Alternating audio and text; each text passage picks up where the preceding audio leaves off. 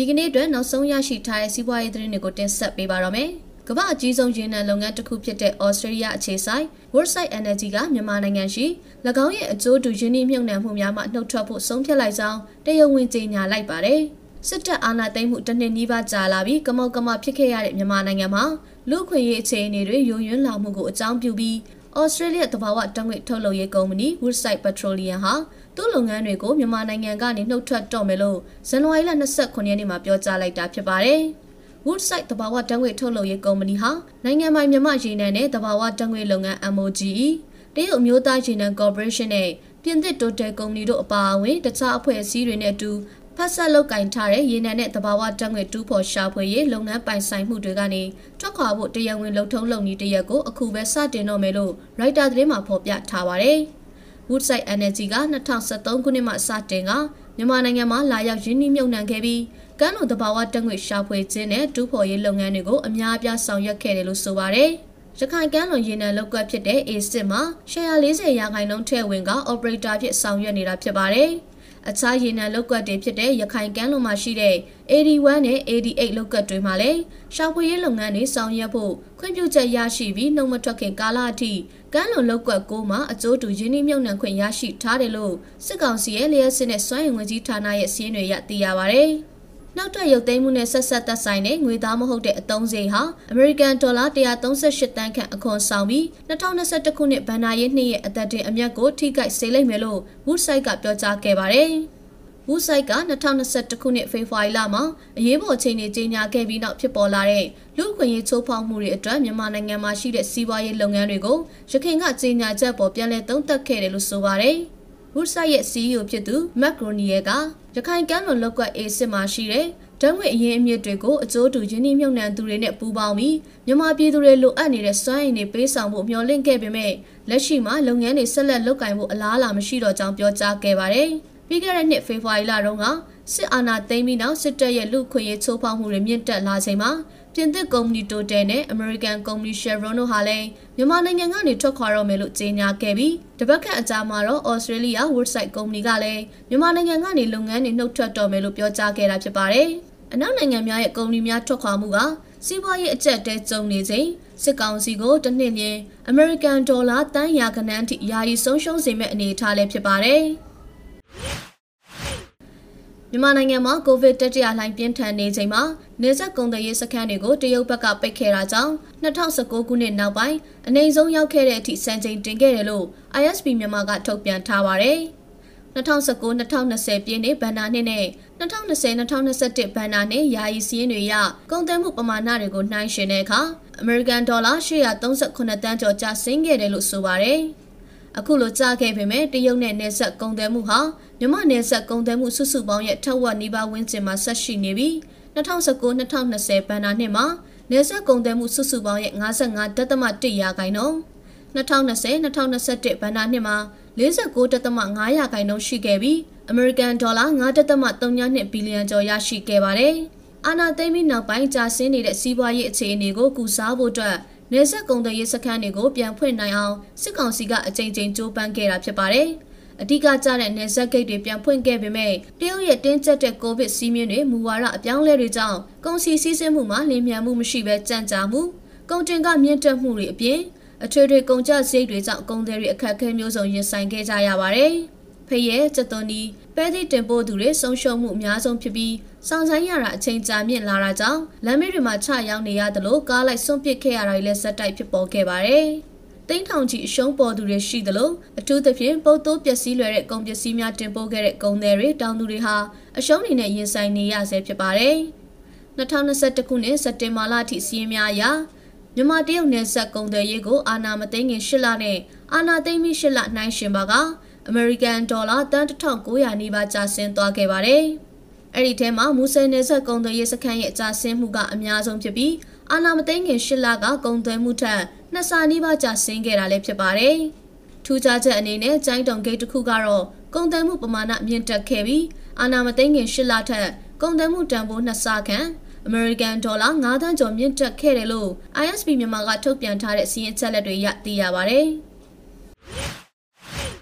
ကမ္ဘောဇာစီးပွားရေးလုပ်ငန်းစုကစစ်တပ်ပိုင်းမြမစီးပွားရေးဥပိုင် limited MEHL နဲ့ကြောက်စိမ်းကြောက်မြတ်တူးဖော်ရေးလုပ်ငန်းများလုပ်ကင်ခဲ့မှုတဲ့၎ င်းတို့ရဲ့နီလာယုံမှကြောက်မြတ်ရတနာကုမ္ပဏီကိုဇန်နဝါရီလ22ရက်နေ့ကစီရင်ရှင်းလင်းဖျက်သိမ်းလိုက်ကြောင်းသိရပါဗျ။နီလာယုံမှကြောက်မြတ်ရတနာကုမ္ပဏီဟာမြမစီးပွားရေးဥပိုင်လီမိတက်နဲ့လက်တွဲပြီးစကိုင်းတိုင်းရှိဂျိမ်းဖောအောင်ကြောက်စိမ်းလုပ်ကွက်ကိုနှစ်ရှည်လုပ်ကင်ခဲ့တဲ့ကုမ္ပဏီဖြစ်ပါတယ်။ပြီးခဲ့တဲ့2020ခုနှစ်ကလည်းကမ္ဘောဇအုပ်စုအနေနဲ့စစ်တပ်ပိုင်းမြမစီးပွားရေးဥပိုင်နဲ့လက်တွဲဖြုတ်ရန်ကြိုးပမ်းခဲ့တယ်လို့အပြည်ပြည်ဆိုင်ရာလူငင်းချမ်းသာခွင့်အဖွဲ့ AI ထံအကြောင်းပြန်ခဲ့ပြီးနောက်ယခုကဲ့သို့စီးရင်ရှင်းလင်းပြတ်သိမ်းလိုက်ခြင်းဖြစ်ပါတယ်။2020ခုနှစ်စက်တင်ဘာလမှာထုတ်ပြန်တဲ့ AI ဖွဲ့ရဲ့အစီရင်ခံစာမှာဥပိုင်နဲ့ပုဂ္ဂလိကစီးပွားရေးလုပ်ငန်းစုများပူးတွဲလုပ်ကိုင်ခြင်းမှတဆင့်ရရှိလာတဲ့အကျိုးအမြတ်များကိုဥပိုင်ကရှယ်ယာရှင်များထံခွဲပေးခဲ့တာဖြစ်ပြီးထို့သောလက်တွဲလုပ်ကိုင်ခြင်းဟာမြန်မာစစ်တပ်ရဲ့လူခွင့်ရေးချိုးဖောက်မှုတွေကိုငွေကြေးထောက်ပံ့ပေးရရောက်တယ်လို့ဆိုပါတယ်။အဆိုပါစီရင်ခံစာမှာ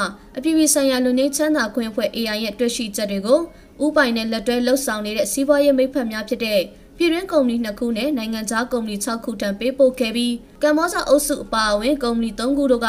ဥပိုင်နဲ့လက်တွဲလှုပ်ဆောင်နေမှုကိုပြန်လည်သုံးသပ်သွားမည်ဖြစ်ကြောင်းအကြောင်းပြန်ခဲ့တာဖြစ်ပါတယ်။နီလာယုံမှကြောင်းမြတ်ရတနာကုမ္ပဏီဖြတ်သိမ်းခြင်းကိုကိုဗစ်နဲ့နိုင်ငံရေးအပြောင်းအလဲများကြောင့်ကြောင်းမြတ်လုပ်ငန်းကဏ္ဍကျဆင်းသွားမှုကြောင့်ထိုလုပ်ငန်းများကိုဖျက်သိမ်းရခြင်းဖြစ်ကြောင်းကုမ္ပဏီဖျက်သိမ်းရေးကိစ္စရပ်များကိုဆောင်ရွက်ပေးနေသူတဦးထံမှသိရပါဗျ။ ဒါအပြင်နီလာယုံမှကြောင်းမြတ်ရတနာကုမ္ပဏီဟာလုပ်ငန်းဆောင်ရွက်ခြင်းမရှိသည်မှာနှစ်နှစ်ခန့်ကြာမြင့်နေပြီဖြစ်သလိုမြမစီးပွားရေးဥပိုင်လီမိတက်နဲ့လုပ်ငန်းလက်တွဲဆောင်ရွက်ခြင်းမရှိသည်မှာလည်းအချိန်ကြာမြင့်နေပြီဖြစ်ကြောင်းဆိုပါတယ်။ကမ္ဘောဇအုပ်စုဟာပြည်တွင်းမှာထိပ်တန်းစီးပွားရေးလုပ်ငန်းစုတစ်ခုဖြစ်ပြီးဗန်နာရေးနဲ့ဗန်လုပ်ငန်း၊တည်ယူပို့ဆောင်ရေးလုပ်ငန်း၊စောက်လုပ်ရေးတတူတူဖော်ရေးလုပ်ငန်းပါဝင်လုပ်ငန်းကဏ္ဍမျိုးစုံကိုလုပ်ကင်ဆောင်ရွက်နေတဲ့လုပ်ငန်းစုဖြစ်ပါတယ်။စစ်ကောင်စီရဲ့အဓိကစီးပွားရေးလုပ်ငန်းအရင်းမြစ်တွေဖြစ်တဲ့ မြမတစ်လုပ်ငန်းမြမပလဲလုပ်ငန်းနဲ့မြမကြောက်မြတ်ရတနာလုပ်ငန်းတို့ကိုအမေရိကန်အပါအဝင်နိုင်ငံများကစီးပွားရေးအရေးယူပိတ်ဆို့တန်းခတ်ထားလျက်ရှိပြီးမြမရေနံနဲ့တဘာဝဓာတ်ငွေလုပ်ငန်းကိုလည်းပိတ်ဆို့အရေးယူရန်လူခွင့်ရေးဖွဲ့များကတိုက်တွန်းနေလျက်ရှိတာဖြစ်ပါတယ်။2022ခုနှစ်ဇန်နဝါရီလပထမပတ်ကာလအတွင်းပ င်လယ်ရေချောင်းကုန်သွယ်မှုမှတဆင့်ဒေါ်လာ18.896တန်တန်ဖိုးရှိစံတန်ချိန်9900ခန့်တင်ပို့ခဲ့ရာ Ivory Coast နိုင်ငံများသို့အများဆုံးဖြစ်ကြောင်းသိရပါဗျ။အဆိုပါကာလအတွင်းစံတင်ပို့မှုအများဆုံးနိုင်ငံများမှာကင်မရွန်နိုင်ငံသို့စံတန်ချိန်15000ခန့် Ivory Coast နိုင်ငံသို့စံတန်ချိန်19350ခန့်နိုင်ဂျာနိုင်ငံသို့စံတန်ချိန်4000ခန့်ဘယ်ဂျီယံနိုင်ငံသို့စံတန်ချိန်6200ခန့်ပိုလန်နိုင်ငံသို့စံတန်ချိန်9150ခန့် နယ်သာလန်နိုင်ငံသို့3100ခန့်နဲ့တရုတ်ပြည်သူ့သမ္မတနိုင်ငံသို့စံတန်ချိန်4810ခန့်တင်ပို့နိုင်ခဲ့ကြောင်းရခိုင်သတင်းမှနဲ့နှိုင်းရှင်ပါကစံတင်ပို့မှုတန်ချိန်4400ကျော်ပို့မှုတင်ပို့ခဲ့တာလည်းဖြစ်ပါတယ်။ဇန်နဝါရီလပထမပတ်ကာလအတွင်းပင်လယ်ရေကြောင်းမှစံနဲ့စကွဲတင်ပို့မှုစုစုပေါင်းတန်ချိန်8500ကျော်တင်ပို့ခဲ့ကြောင်းသိရပါတယ်။မြန်မာနိုင်ငံမှာစံဖြူတန်ချိန်3သိန်းနဲ့ပေါင်းစံတန်ချိန်9000တို့ကိုတိရိလင်္ကာနိုင်ငံသို့ 2022ခုနှစ်နဲ့2023ခုနှစ်တွင်တင်ပို့မည်ဖြစ်ကြောင်းစစ်ကောင်စီရဲ့စီးပွားရေးနဲ့ကုသရေးဝန်ဝင်ကြီးဌာနမှသိရပါဗျ။မြန်မာနိုင်ငံအနေနဲ့ပြည်ပသို့စံနဲ့စကွဲတင်ပို့ရမှာတရုတ်နိုင်ငံသို့အများဆုံးတင်ပို့နေပြီးဥရောပနိုင်ငံများနဲ့အာဖရိကနိုင်ငံများသို့လည်းတင်ပို့နေတာဖြစ်ပါတယ်။မြန်မာနိုင်ငံမှာစံနဲ့စကွဲကိုပြည်ပသို့တင်ပို့ရမှာပင်လယ်ရေကြောင်းကုန်သွယ်မှုမှ EU ဈေးကွက်အာဖရိကဈေးကွက်သို့တင်ပို့လျက်ရှိပြီးမူဆယ်နယ်စပ်မှတဆင့်တရုတ်နိုင်ငံသို့အဓိကတင်ပို့နေတာဖြစ်ပါတယ်။ မြန်မာနိုင်ငံအနေနဲ့ပြည်ပသို့ဆန်တဲ့စကွဲတင်ပို့မှုကိုပြန်မြအားဖြင့်နှစ်စဉ်30ရာခိုင်နှုန်းခန့်တိုးတက်လာအောင်ဆောင်ရွက်လျက်ရှိကြောင်းဒါအပြင်တန်ချိန်မြင့်တက်မှုအပြင်ဝင်ငွေပုံမမြင့်တက်လာစေဖို့အရေးသွေးကောင်းမွန်တဲ့တမ်းမြင့်ဆန်အမျိုးအစားများကိုပုံမတင်ပို့နိုင်အောင်ဆောင်ရွက်လျက်ရှိကြောင်းမြန်မာနိုင်ငံစံစပါးတင်းချုပ်ထံမှသိရပါဗျ။တနင်္သာရီတိုင်းဒေသကြီးကောတောင်မြို့ကနေထိုင်းနိုင်ငံရနောင်းမြို့ကို2021-2022ဘဏ္ဍာနှစ်3လကျော်ကာလအတွင်း ရေထွက်ကုန်မက်ထရစ်တန်ချိန်9000ကျော်တင်ပို့ထားခဲ့ပြီးအမေရိကန်ဒေါ်လာ64သန်းကျော်ရရှိခဲ့တယ်လို့ကော့တောင်းခရိုင်ငါးလုပ်ငန်းဦးစီးဌာနကနေသိရပါဗျ။ကော့တောင်းမြို့မှာထိုင်းနိုင်ငံရနောင်းမြို့မှာငါးရရှိမှုပေါ်မူတည်ပြီးတရက်ကိုလှေစီးရေ20ခန့်နဲ့ငါးတည်ယူပို့ဆောင်တာတွေကိုဆောင်ရွက်ခဲ့တာဖြစ်ပါတယ်။ဒါအပြင်ကံဝေးငါးဖမ်းရင်အားလုံးမှာလည်း VMS စနစ်ကိုတက်ဆင်ထားပြီးဖြစ်တယ်လို့သိရပါဗျ။ ပြီးခဲ့တဲ့2021ခုနှစ်နိုဝင်ဘာလမှာတော့ရာသီဥတုမကောင်းတဲ့အတွက်ငါးမိနေခဲ့ပြီးရေလုံငန်းလောက်ကင်နေသူတွေအနေနဲ့လည်းငါးရရှိမှုနှဲပါခဲ့ကဒီဇင်ဘာလမှသာငါးရရှိမှုပြန်လည်ကောင်းမွန်ခဲ့တယ်လို့သိရပါဗျ2021ခုနှစ်အောက်တိုဘာလ1ရက်မှ2022ခုနှစ်ဇန်နဝါရီလ22ရက်နေ့အထိ3လကျော်ကာလအတွင်းငါးတဲ့ဆောင်တဲ့လှေအစီးရေ2450နဲ့ရေထွက်ကုန်မက်ထရစ်တန်9266တန်တင်ပို့ခဲ့တာလည်းဖြစ်ပါတယ်။ ဒါအပြင်ဇန်နဝါရီလ22ရက်နေ့မှာလှေအစီးရေ20နဲ့ရေထွက်ကုန်မက်ထရစ်တန်685တန်တင်ပို့ခဲ့ရပြီးအမေရိကန်ဒေါ်လာ3.8တန်ရရှိခဲ့တယ်လို့သိရပါတယ်။ပြီးခဲ့တဲ့2020-2021ခုနှစ်ဘဏ္ဍာနှစ်မှာပြည်ပမှစားတောက်ကုန်ပစ္စည်းတင်ပို့မှုအတွက်အမေရိကန်ဒေါ်လာ1ဘီလီယံနီးပါးသုံးစွဲခဲ့ရကြောင်းမြန်မာနိုင်ငံရဲ့ပြည်ပကုန်သွယ်မှုစီးများမှာဖော်ပြထားပါတယ်။ 2019-2020ဘဏ္ဍာနှစ်ကာလတူထက်အမေရိကန်ဒေါ်လာတန်း240နီးပါးပိုမိုတင်သွင်းခဲ့ရပြီးကုန်ပစ္စည်းအမယ်တွေထဲမှာစောင်းစီ၊တွားတိုက်စေး၊စီကရက်ဆက်ကူ၊ကော်ဖီ၊လက်ဖက်ချောင်းနဲ့နှုတ်မုတ်တို့ပါဝင်နေပါတယ်။စောင်းစီအမယ်တစ်ခုတည်းနဲ့အမေရိကန်ဒေါ်လာတန်း830နီးပါးတင်သွင်းခဲ့ရပြီးကာလတူထက်ဒေါ်လာတန်း240ခန့်ပိုမိုသုံးစွဲခဲ့ကြောင်းစီးရင်များရသိရပါတယ်။ COVID-19 ကပ်ရောဂါကြရက်နဲ့ဖေဖော်ဝါရီလနိုင်ငံရေးအပြောင်းအလဲတွေကြောင့် ပြည်ပရင်းနှီးမြှုပ်နှံမှုနဲ့ဆောင်ရွက်တဲ့စီမံကိန်းဆိုရနာခဲ့ရသလိုအချို့ကလည်းထွက်ခွာသွားတာကြောင့်ရင်းနှီးမြှုပ်နှံမှုကုန်ပစ္စည်းများလုပ်ငန်းသုံးကုန်ချမ်းပစ္စည်းများလူသုံးကုန်ပစ္စည်းများတင်သွင်းမှုလျော့နည်းခဲ့ပါတယ်။ဒါကြောင့်ကုန်သွယ်မှုပုံငွေအမေရိကန်ဒေါ်လာ689တန်းကျော်ရရှိခဲ့ပြီးကုန်သွယ်မှုလုပ်ငန်းတွေကိုပင်လယ်ရေချောင်းမှာ66ရာခိုင်နှုန်းထိဆောင်ရွက်ခဲ့တယ်လို့သိရပါတယ်။ပို့ကုန်အုပ်စုလိုက်တင်ပို့မှုကလည်းလေယာထွက်ပစ္စည်းများမှလွဲပြီးပရိစံထွက်ရေထွက် တပ်တုတွင်းထွက်တစ်တော်ထွက်စက်မှုကုန်ကျန်းပစ္စည်းနဲ့အခြားပစ္စည်းတွေရောနဲ့တင်ပို့နိုင်ခဲ့တယ်လို့ဖော်ပြထားပါတယ်။တီထွင်စမ်းသစ်မှုများနဲ့မြမထုတ်ကုန်များကို e-trade platform မှာတဆင့်နိုင်ငံတကာဈေးကွက်သို့မိတ်ဆက်မဲ့မြမ Pavilion ကိုဇန်နဝါရီလ29ရက်နေ့ကစစ်ကောင်စီရဲ့စီးပွားရေးနဲ့ကုသရေးဝန်ကြီးဝန်ကြီးဌာနကဖွင့်လှစ်လိုက်တယ်လို့သိရပါဗျ။ မြမကုန်သွယ်မှုမြင့်တင်ရေးအဖွဲ့ကအာရှဒေသရဲ့ဒုတိယအကြီးဆုံး B2B e-commerce platform တစ်ခုဖြစ်တဲ့ www.ecplaza.net မှာဖွင့်လှစ်ခဲ့ကြောင်းသိရပါဗျ။မြန်မာ Pavilion ဖွင့်ပွဲအခမ်းအနားကိုမြန်မာနိုင်ငံနေပြည်တော်နဲ့ကိုရီးယားနိုင်ငံဆိုးမြို့တို့ကြောင့် virtual launching ဖြင့်ကျင်းပခဲ့ပြီး အဆိုပါ platform မှာဆက်လက်ပူးပေါင်းဆောင်ရွက်ရေးအတွက်ဆွေးနွေးပြောကြားခဲ့ကြတယ်လို့သိရပါဗျ။ကိုရီးယားနိုင်ငံမှ AC Plaza Network နဲ့မြန်မာကုမ္ပဏီ Cyber King Company Limited တို့ကနည်းပညာပိုင်းဆိုင်ရာကူညီပံ့ပိုးမှုနဲ့မြန်မာနိုင်ငံမှထုတ်ကုန်အမျိုးအစားတရာကျော်ပြသမည်ဖြစ်ပြီးမြန်မာကုန်သည်လုပ်ငန်းရှင်များအနေနဲ့အဆိုပါ e-trade platform ကိုအသုံးပြုကနိုင်ငံတကာဝယ်ယူသူများနဲ့တိုက်ရိုက်ဆက်သွယ်ရောင်းဝယ်နိုင်မှာဖြစ်ကြောင်းသတင်းထုတ်ပြန်ချက်များအရသိရပါဗျ။က မ္ဘာဘဏ်ကကောက်ယူခဲ့တဲ့စစ်တမ်းကိုဖြေဆိုခဲ့တဲ့လုပ်ငန်း59ရာခိုင်နှုန်းက6လအတွင်းဖေဖော်ဝါရီလမတိုင်ခင်အနေအထားကိုပြန်လည်ရောက်ရှိမယ်လို့မျှော်မှန်းထားကြောင်းဖော်ပြထားပါတယ်။စီးပွားရေးလုပ်ငန်းများပေါ် COVID-19 ကပ်ရောဂါတက်ရောက်မှု၉ချိန်မြောက်လေ့လာချက်အရ